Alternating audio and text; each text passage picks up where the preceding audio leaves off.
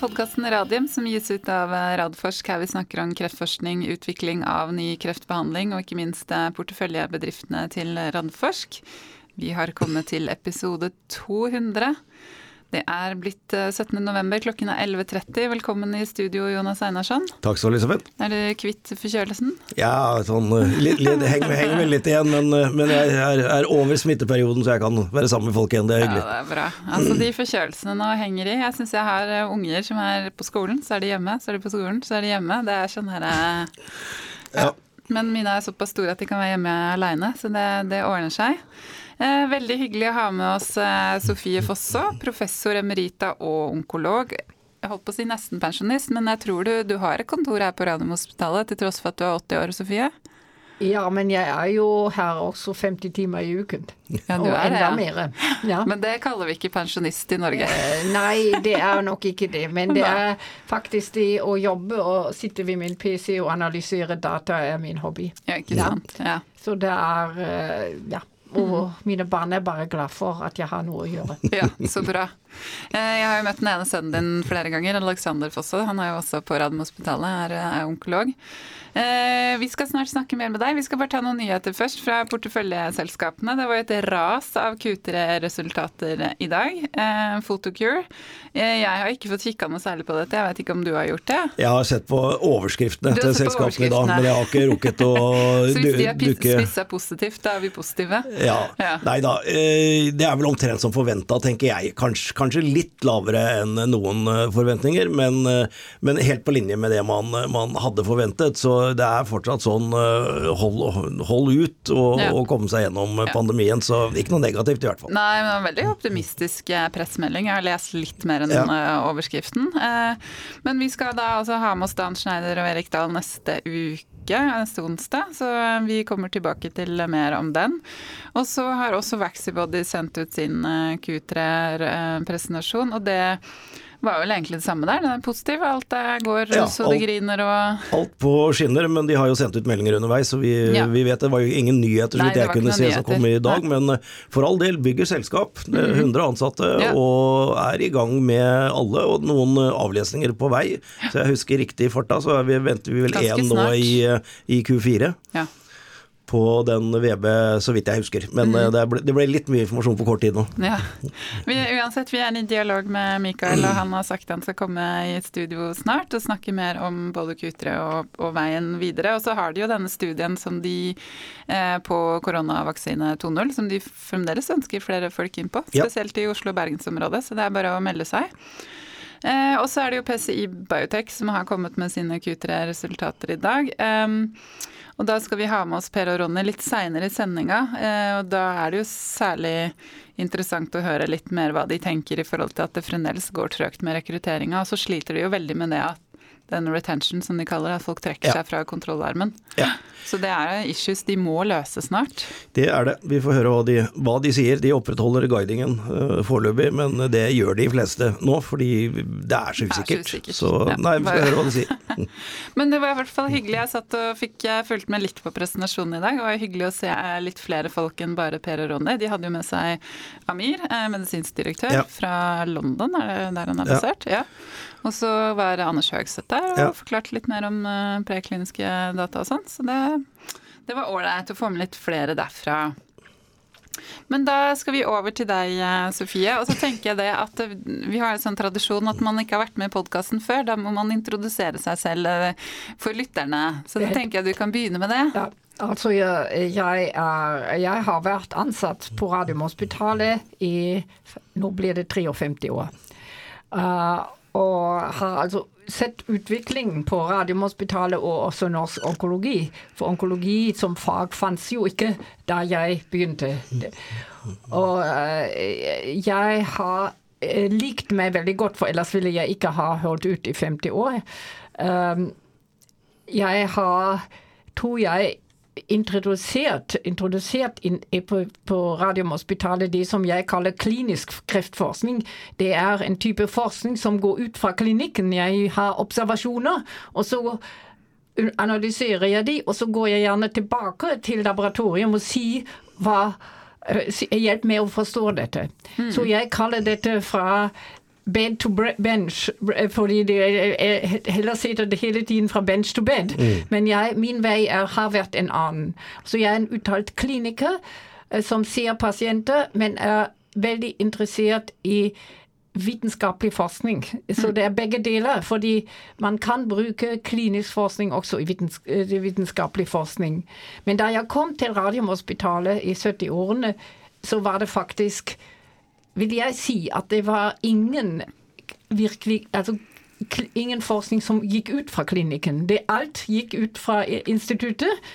Og når man er, var utvalgt, så kunne man ta, fikk man penger til å sitte i tre år på instituttet og jobbe. Mm. Mens jeg aldri var utvalgt, så jeg gikk jo hemmelig om natten gjennom kjelleren og gjorde mine ting. og på den måten overvant jeg brannmuren som var. Mm. Men dette blir bedre etter hvert. Og jeg vil si at uh, i den tredje, særlig i det, det, som jeg kaller tredje perioden etter, uh, etter to, 2010 omtrent, så var det jo ganske bra dialog med instituttet. Og jeg syns, slik som kollega Åshild Helland. Helland har gjort Helland. Ja, Helland virkelig gått frem og tilbake. Ja. Det syns jeg uh, viser at det er mulig. Og uh, vi får spennende forskningsresultater og gode resultater for pasientene. Mm. Men, og dette syns jeg er uh, Dette er én utvikling. Den andre utviklingen som jeg føler har vært på Radiumhospitalet, er altså i det hele tatt at livskvalitet, det er jo i hele onkologien, har blitt viktig. Mm. Og også palliasjon. Det er jo mm. ingen som snakket om disse ting da jeg kom. Det var overlevelse, overlevelse, overlevelse. For enhver pris. Og ikke noe annet. Og, men hvordan disse levde, og vi vet jo at det har økt med en faktor på tre pasienter som lever i fem år og har, har hatt en kreftdiagnose. Uh, og det blir altså for meg etter hvert veldig viktig å finne ut uh, hvordan disse pasientene har det. Og det var spesielt siden jeg fikk i oppgave å se på testikkelkreftpasienter som hvor, nesten alle helbredes. Og vi trodde jo at de kunne da etter helbredelsen leve som vanlige menn, men det blir etter hvert klart for meg at det er ikke riktig. Så, og det var egentlig utgangspunktet for at jeg begynte med klinisk kreftforskning. og eh, eh, overlevelsesforskning. Mm. fordi jeg ville virkelig se hvilke problemer har disse pasienter når de har gått gjennom cellegiftbehandling, når de har eh, mistet, altså i dette tilfellet, en testikkel, og unge menn. Og jeg hadde jo selv barn i den alderen også, som ble veldig veldig viktig for meg å finne ut hvordan kunne vi hjelpe disse pasientene. Mm. Det var utgangspunktet. Siden ble dette jo uh, Altså, jeg har alt i alt hatt 50 doktorgrader på dette, som jeg har veiledet. Og, uh, men ikke eh, over hele landet. Og det har jo vært en av de oppgavene som vi fikk fra Helse- og omsorgsdepartementet i 2005. At vi skulle også spre kompetansen over hele landet. Det har vi gjort. Det som har forundret meg, vi har vært helt opp i Nord-Norge, men vi har ikke vært på Svalbard ennå. Mm. Så der lurer jeg på om vi burde reise dit, for det har jeg ikke vært før.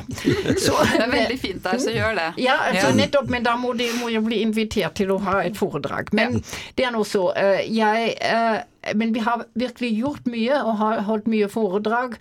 Eh, jeg har jo blitt pensjonist de siste ti år. Pensjonist på papiret, i hvert fall.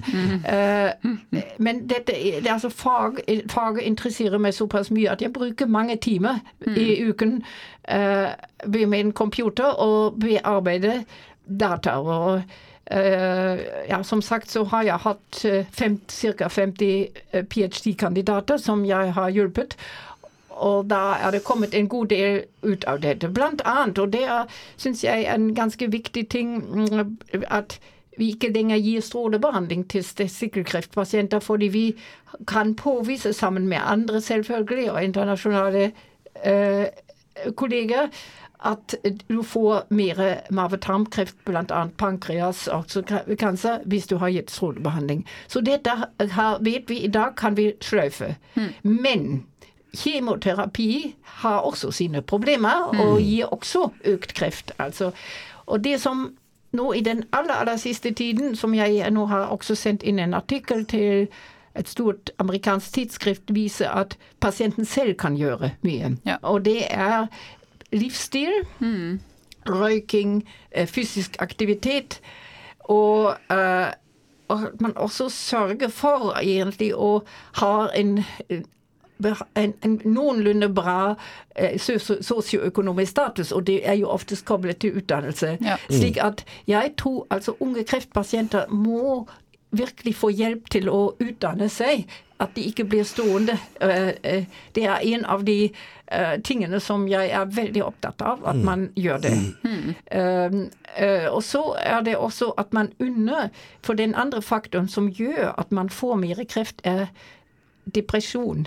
Altså, fordi Hvis du er deprimert, så orker du ikke å passe på vekt, du orker ikke å høre fysisk aktivitet. Så legene som ser disse pasientene, fastlegene, hvis det finnes fastleger mm. Det fins et par, har jeg hørt. ja, eh, må passe på dette og se er min pasient deprimert av en eller annen grunn, hvordan mm. kan vi hjelpe? Ja. ja? Så jeg øh, syns dette er Det er omtrent det jeg har lært. Og ja, vi har jo ikke bare gjort øh, testikkelkreft. Ja, vi har jo gjort lymfom eh, bl.a. og eh, ser jo på andre sykdommer også. Brystkanser er jo en veldig stor, et mm. stort. Jeg personlig har jobbet veldig mye med prostatakreft. Og akkurat nå før jeg kom, så jobbet jeg f.eks. med langtidsbivirkninger etter strålebehandling mm. Eh, for prostatakreft. Ja. Mm. Så det er, det er, helt klart at uh, dette er viktig for disse pasienter lever i samfunnet.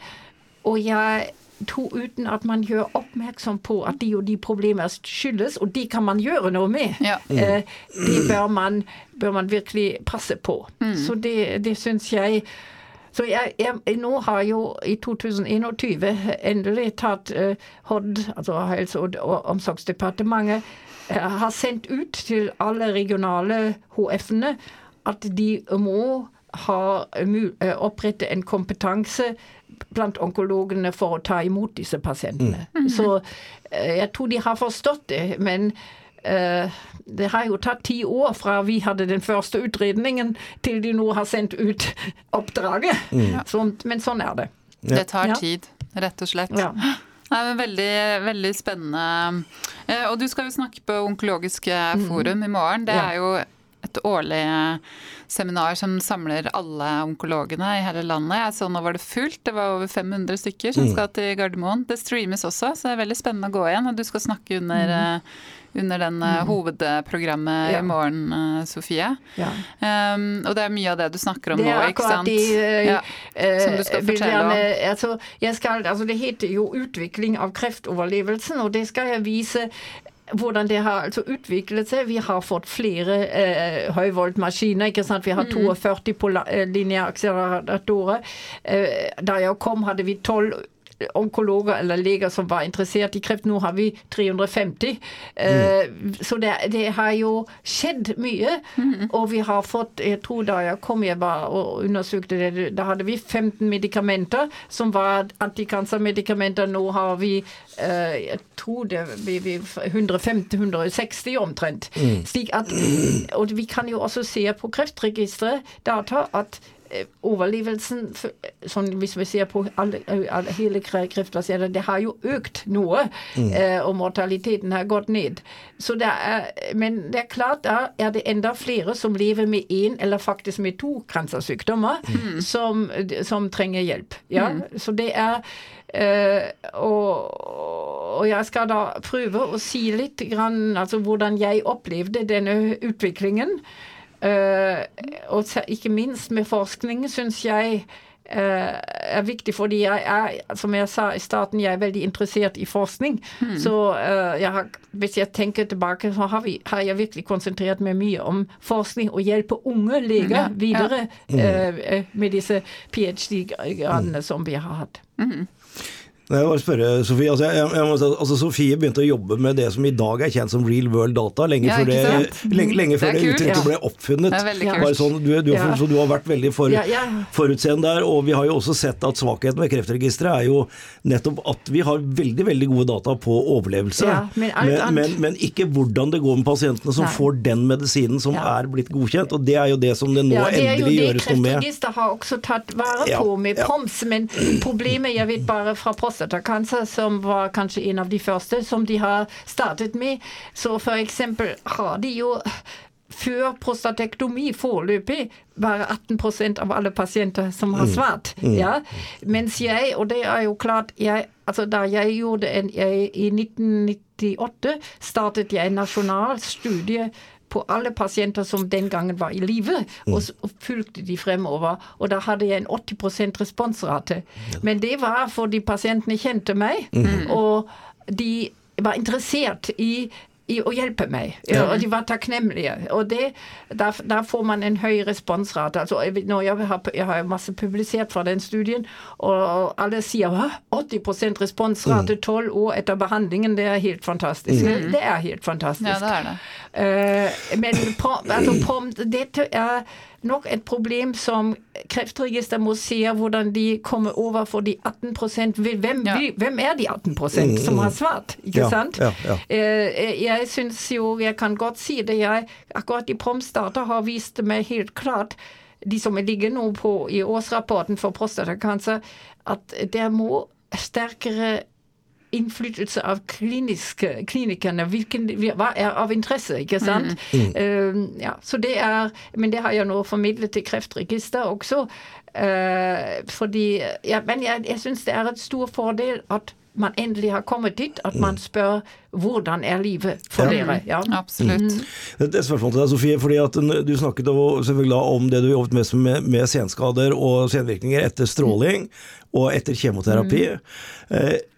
Eh, nå har jo immunterapien kommet. Ja. Uh, hva tenker du om det og oppfølgingen av disse? Fordi ja. det vet vi vel ikke hvordan Nei, det går med de? Det, det kommer jeg også til å si litt grann i morgen. Fordi vi har jo stadig vekk nye medikamenter. Og jeg er veldig interessert i immunterapi fordi um, altså, det kan jo tenkes at det blir noen kroniske immunforstyrrelser på mm. pasienter etterpå. Det vet vi ingenting om. Og jeg mener at det må registreres hvem som får eh, immunterapi på en litt lengre periode. Altså hvis ja. det er bare, og, og, så at man eh, kan tilskrive disse pasienter f.eks. om to år og har et regelmessig kontroll. Eh, men det er den eneste måten man kan gjøre det på. Ja. ja? Og der, der vil jeg jo si at man bør starte med de som, eh, hvor man vet at de lever lenger. Ikke sant? Ja. Altså, det er jo det at uh, immunterapi um, ja, det er jo øh, Altså, man må se hvilke, hvilke cancersykdommer gir sjansen for at de lever lenge, og så uh, bør man gjøre det. Jeg syns det er veldig viktig og at man da gjør akkurat som jeg gjorde, at vi undersøkte pasientene klinisk. Vi tok blodprøver mm. og fr har frosset de ned. Og uh, Uh, og så hadde vi spørreskjema. Så det mm. er alle tre ting som jeg syns er akkurat for immunterapi veldig viktig at det blir gjort. Ja. Uh, men det gjelder på en måte også altså, nye medikamenter i det hele tatt, som, og særlig da på uh, grupper av pasienter som lever lenge. Barnekreft, etter mm. mitt skjønn, bør virkelig Og, og, og jeg syns i det hele tatt vi bør eh, barnekreft eh, bør følges opp bedre på lang sikt i, i, i Norge enn vi er i stand til. det. Og dette er jo en, Det så jeg veldig tidlig en fordel uh, i, de, i, i, Skandinavia. Vi finner våre pasienter igjen. Ja. I Amerika og i Tyskland f.eks. Du finner dem jo ikke. Nei. Ja? Nei. Så uh, her kan du virkelig tilskrive pasientene. Og, og de fleste Særlig når de da er helbredet, er jo takknemlig for de er helbredet og vil, vil, vil hjelpe til. Mm. Så jeg Men akkurat dette å, å ha blodprøver i tillegg, at du mm, kan gjøre litt mer enn bare uh, være spørreskjema, ikke mm, sant. Så mm. det tror jeg er veldig viktig. Så jeg Uh, syns dette med immunterapi Jeg kommer til å si med, med, med, altså dette med nye medikamenter Hva gjør vi egentlig mm. med det? Ja. Mm. Det syns jeg en viktig ting. Mm. Absolutt. Jeg tenker liksom sånn at det her er jo kanskje en sånn nisje som vi i Norge kan bidra med inn i den cancer mission til EU ja. nå. Nettopp som du sier, vi har muligheten til å følge pasientene. Og det er så mange som er interessert i å svare, sånn som du sier, ja. 80 som da ja. Det svarer deg etter lang altså, tid etter ja, behandling? Jeg har jo jobbet sammen med EORTC, urologisk gruppe, og de var alltid veldig forbauset over at eh, så mange pasienter gjorde det jeg mhm. sa og svarte. Og det føler jeg er Bør vi poengtere mye mer? Mhm. Eh, Pluss at vi har de nasjonale registre, ja. så vi kan finne ut hvem er det egentlig som har svart. Er det en selektert gruppe, eller ja. er det representerer dette uh, befolkningen? Mm. Og da syns jeg at, at, det må jeg si har Kreftregisteret vært veldig flink for prostatacancer. De har tilskrevet menn i samme alder mm. og spurt hva slags problemer har de. For ja. vi vet jo at også menn når de har kommet over i 60-årsalderen, har både eh, vannlatningsproblemer og de har seksuelle problemer. Det er jo ikke det at en 60-åring fungerer seksuelt som en 20-åring. Mm. Men dette er eh, Altså Hvis det da ikke fungerer så veldig godt for en prostatakreftpasient, så sier han det er behandlingen, men jeg, jeg skal nå neste uke vise det til Påfå at her Se, det er bare 60% som kan ha samleie når de mm. vil ha det. Ja, mm. Sånn er det. Det er fysiologisk. Ja. ja. Viktig, viktig ja. å ha en benchmarking der. Det, altså Dette å ha en kontrollgruppe, mm. og det kan man veldig ofte også få ut av de nasjonale registre. Mm. Men en av de tingene jeg også kommer til å si i morgen, er at det må være lettere å få tak ja. i data fra de, de, de nasjonale registre. Jeg skulle til å spørre deg om det, for det, det jeg i hvert fall hører fra forskere, er at det tar jo vinter og votter og to og tre år. Altså, jeg har, Spesielt vanskelig var det jo reseptregister. Mm. Det var helt umulig umulig. Mm. Og ja, som jeg sa allerede for 20 år siden til noen i Kreftringen, her vet jeg at man er impotent, ja, men jeg får ikke vite om man bruker hormoner eller ikke. Ja, mm. jeg vet også at han bruker hormoner, men jeg vet ikke når Du vil ikke fortelle meg når han har startet. Mm. Ja, Det syns jeg er helt meningsløst. Ja. Helt enig. Og, Nei, det er viktig, viktig eh, altså, å koble det. Jeg håper jo i den nye helseplattformen at dette vil bli lettere. Ja. ja. Eh, fordi det er også en ting som de sier internasjonalt, at vi kan ha disse muligheter. Mm. Eh, svenskene ser det, For meg ser det ut f.eks. Jeg har jo mest jobbet med prostatakanser.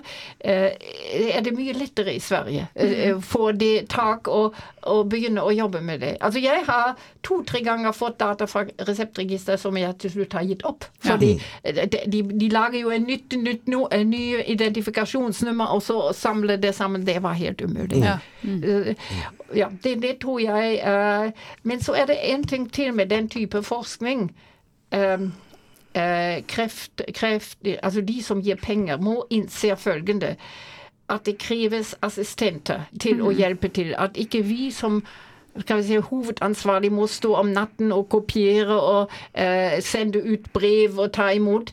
Jeg vil si hvis ikke Kreftforeningen i 1997 hadde gitt meg en assistent eh, en, en, en, den gangen hjelpepleier som men hadde vært i Amerika, så hun snakket engelsk. Hvis ikke det hadde vært, så hadde ikke jeg kunnet gjøre det. Mm. Ja, så jeg har inntrykk av for en laboratorium, laboratoriumsfolk å få assistenter er mye lettere enn å innse at jeg kan ikke stå eh, Altså bruke masse tid til ting som egentlig noen andre kunne hjelpe mm. meg med. Det må jeg bare si at det mm. er en eh, viktig erkjennelse som kanskje blir bedre. Men også i Amerika, mine kollegaer som jeg samarbeider, de har assistenter å gjøre mm. visse mm. ting som jeg må gjøre selv. Ja. ja. ja. Det er veldig viktig. Har du noen eh, spørsmål eller kommentarer, Einarsen? Altså jeg syns det er utrolig fint at det blir satt et mye mer søkelys på dette området nå. Og det er jo nettopp den kliniske forskningen med hva skjer med pasientene fra de får diagnosen, de får en behandling, men så er det i det spennet de lever videre -hmm. etterpå.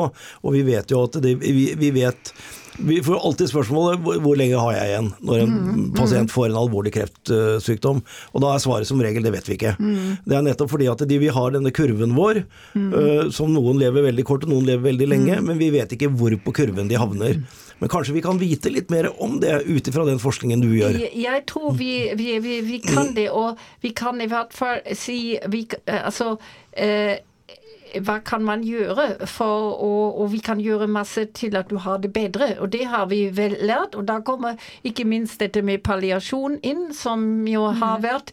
Eh, men vi vet også litt bedre hva som virkelig plager pasienten. Mm. Altså, jeg har gjort en undersøkelse på prostatakreftpasienter i Norge. Eh, og alle har jo alltid ment at dette med vannladningen og eh, seksualitet det er så veldig viktig. Og det som det viste seg for hele gruppen, var helse, fritid og sosialt samvær med familien det viktige. Ja. Ja? Og som jeg av og til har sagt i Amerika en gang, at det er viktigere for en norsk mann å kunne gå på ski enn å ha sex med sin kone tre ganger i uken.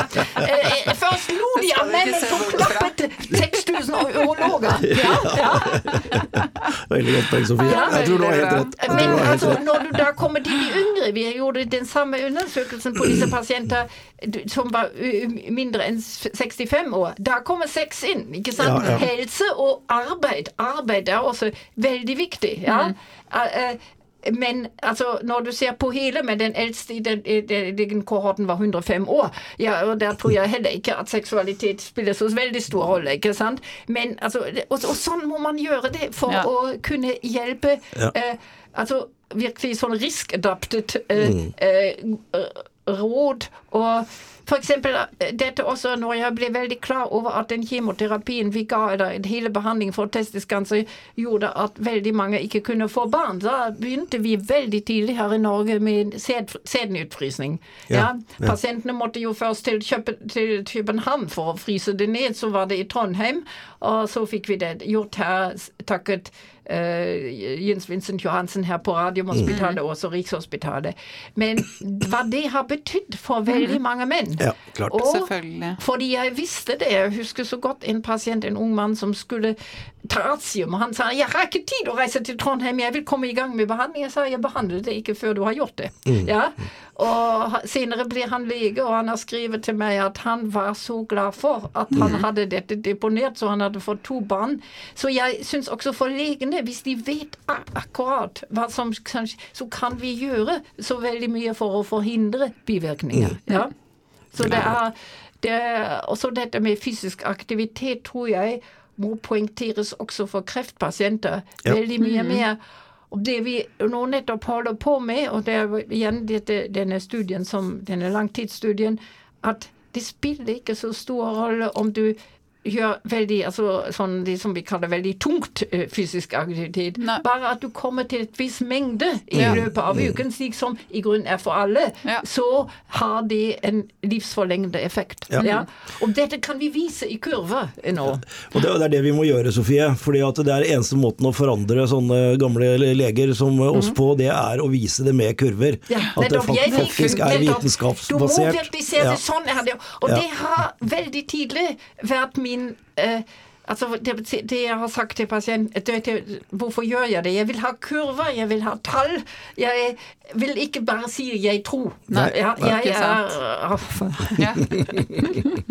Så bra, Sofie. Så fantastisk å ha deg med her. Og jeg får et uh, utrolig engasjement. Jeg tipper det er 500 eh, onkologer som kommer til å trampeklappe i morgen. Altså, jeg er veldig engasjert i dette. Ja, det Noen ganger syns jeg jo to, og jeg tror altså mine barn syns det blir mye testis og prostata Vi bordet.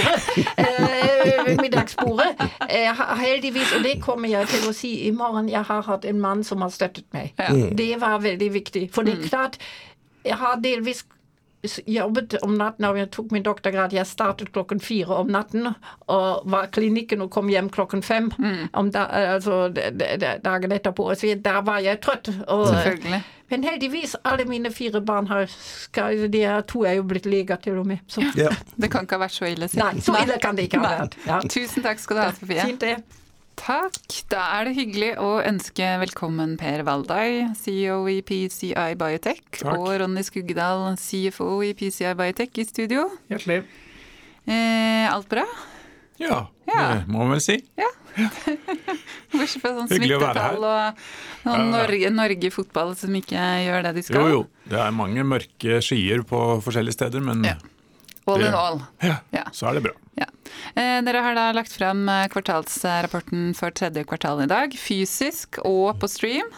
Var det hyggelig å ha aksjonærer i, i fysisk tilstedeværelse igjen? Det var veldig hyggelig. Det er noe helt annet å snakke til folk når man ser dem, og, og istedenfor å stå og prate bare inne i et kamera. Ja. Så det var absolutt veldig hyggelig. Ja, det, apropos analogi til den fotballkampen i går. Altså Fotballkamp uten publikum, det er ikke noe hyggelig. Nå fy søren så mye de banna. Jeg måtte jo holde på ørene på guttungen stadig vekk.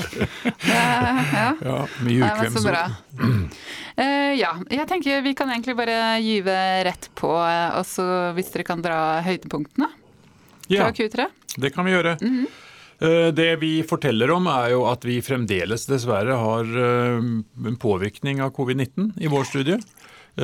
Og i den Q3-presentasjonen som vi gjorde nå, så gjorde vi en liten vri. Vi tok med både Amir Snapir, som er vår CMO, Chief Medical Officer, og Anders Høgseth, som er Chief Scientific Officer til å snakke litt mer detaljer rundt en del ting. Og Amir snakket da bl.a. om både recruitment og retention. Og, mm. og, hvorfor vi med vårt studie har kanskje mer problemer enn mange andre har i sine studier. Og det har noe med det med prosedyrer å gjøre. at vi de må booke rom, og det, tar, eh, det skal gjøres endoskopi. og Det er en del sånne ting som gjør at vi er en inpatient eh, i en annen grad enn mange andre som mer er en sånn poliklinisk behandling når mm. vi gjør disse studiene. Mm.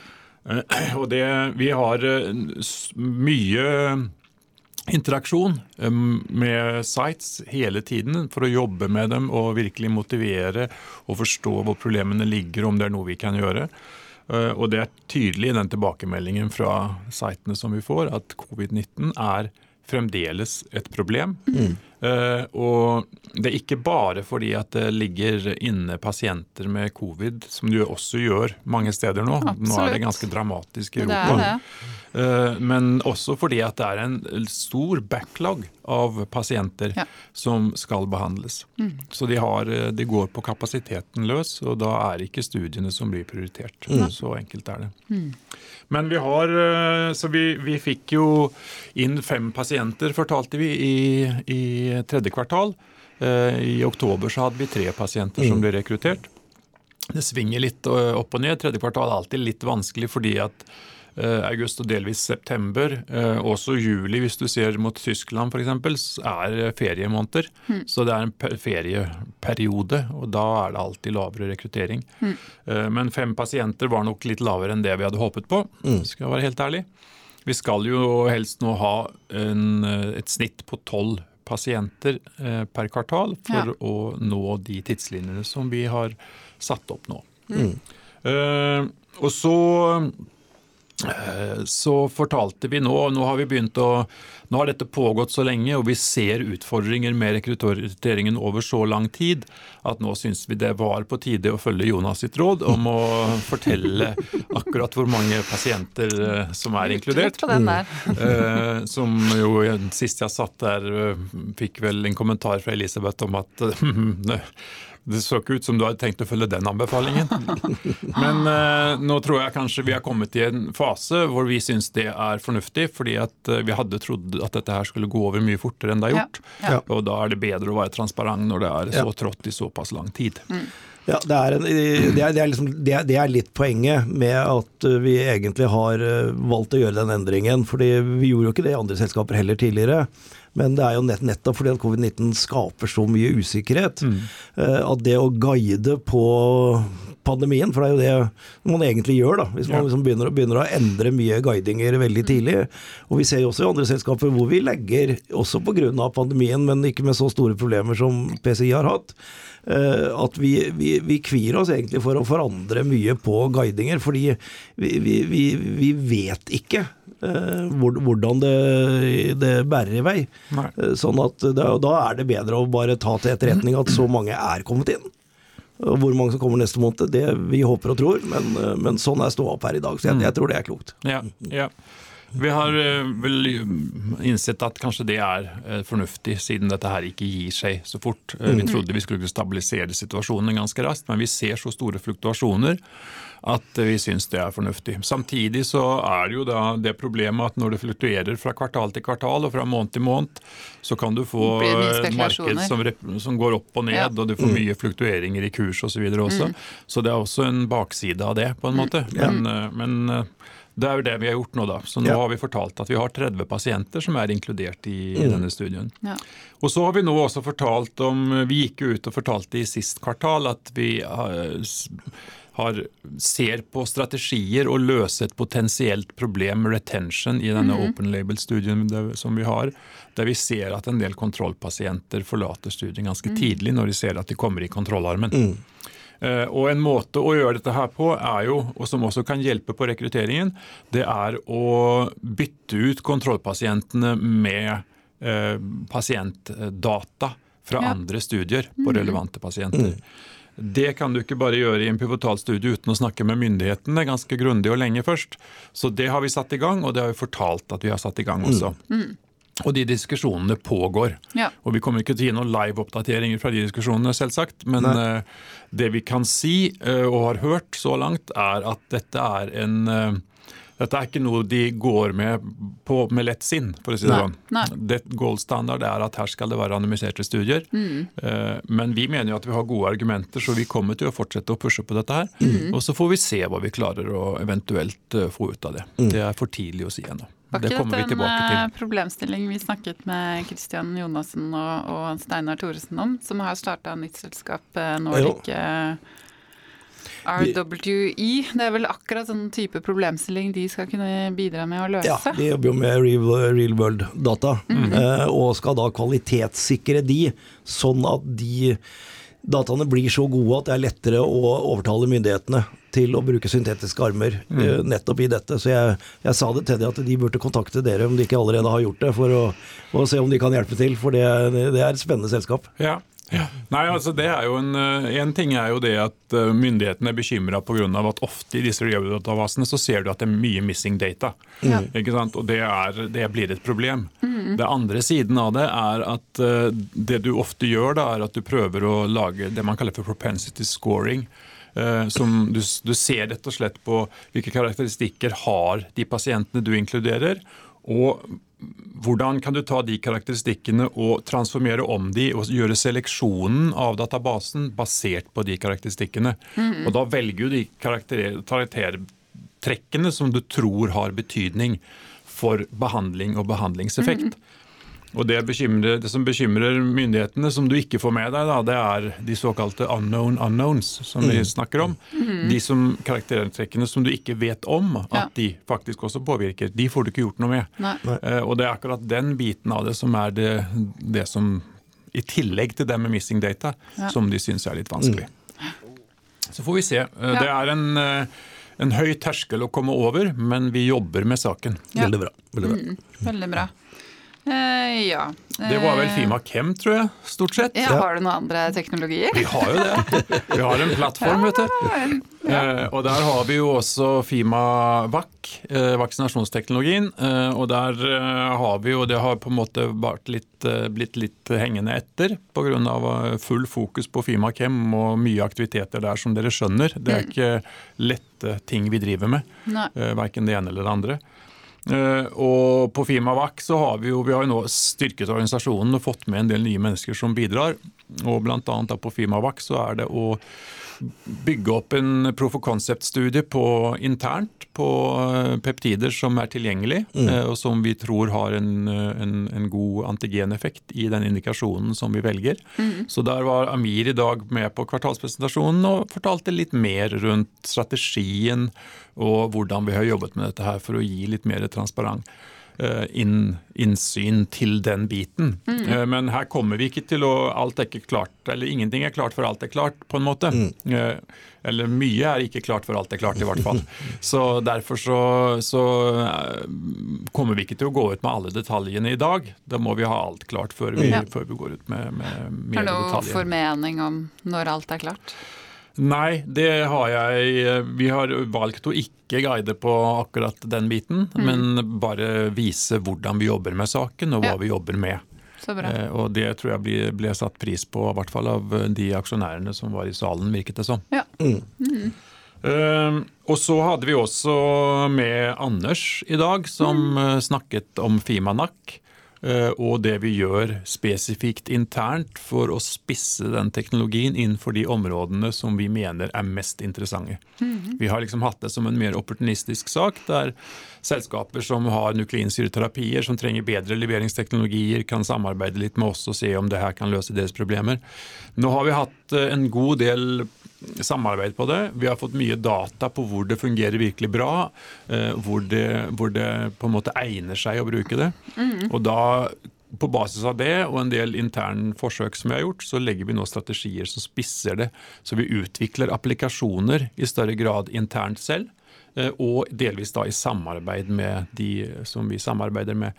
Og når vi da går ut og søker nye samarbeid, så fokuserer vi på de områdene som vi mener at vi har best mulighet for å lykkes med PCI-teknologien. Mm. Så Det snakka Anders en god del om, og viste en del resultater som jo er veldig spennende. Vi har ja. vist dem før, men han poengterte dem veldig tydelig tror jeg, i dag i presentasjonen, for å vise liksom at vi kan virkelig rette behandlingen mot et sted uten at du får lekkasje av behandling andre steder, mm. som kan være viktig i en del behandlingsøyemed. Mm. Så bra.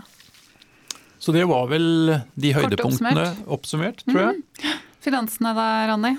Ja, de kan også kort oppsummeres. Eh, vi har eh, hatt et stabilt forbruk på 20-25 millioner i kvartalet over lang, lang tid.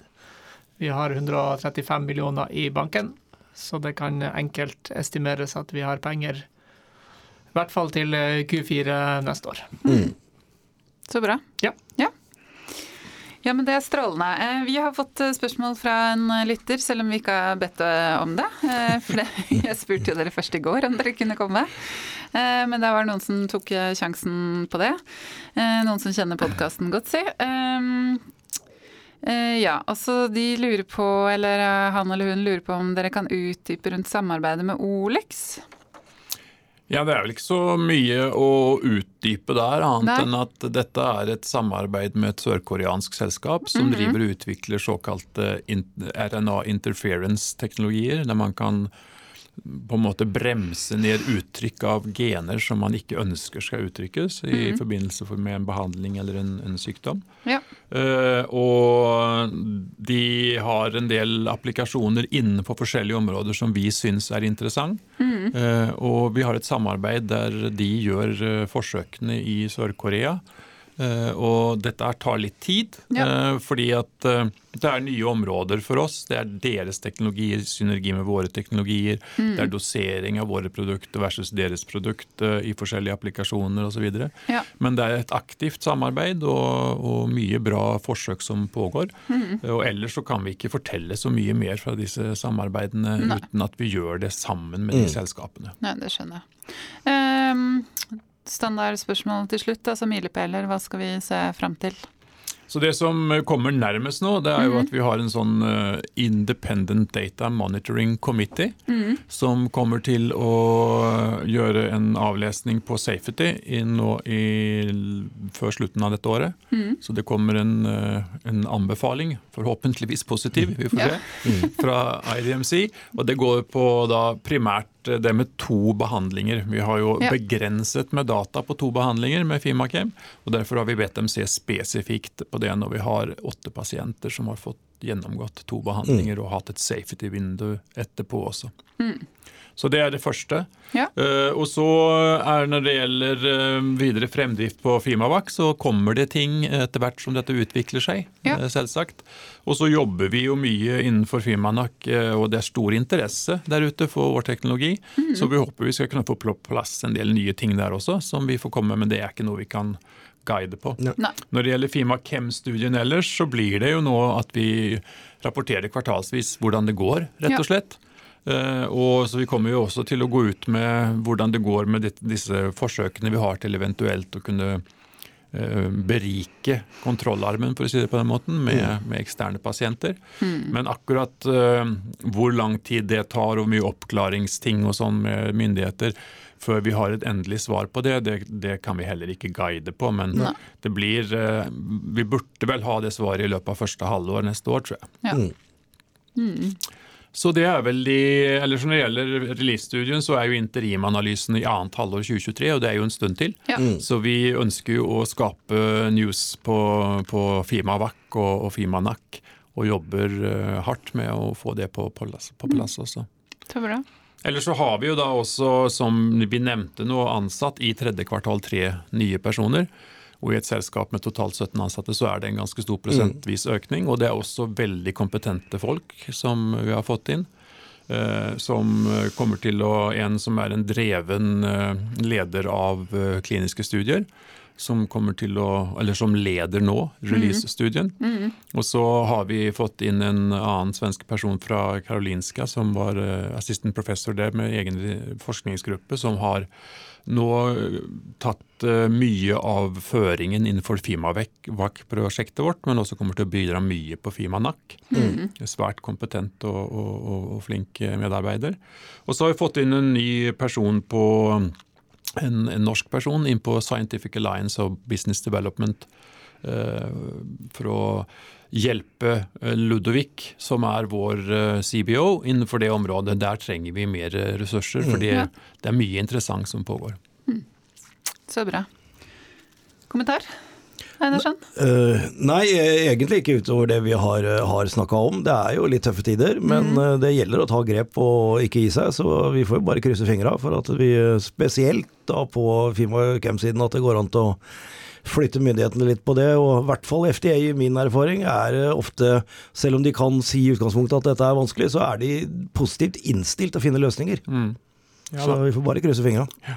Mm, så bra. Takk for at dere kom i studio. Neste uke skal vi på onsdag først ha med oss Hubro. Der har det skjedd en del spennende ting. Og så skal vi ha med oss eh, Photocure. Uh, ja, jeg tror ikke vi rekker noe mer enn to podkaster. Vi får se. Vi ja. får se. Det, hvem vet. Det var episode 200 i hvert fall. Ja. Takk skal du ha. Gratulerer med det. Ha det. Takk.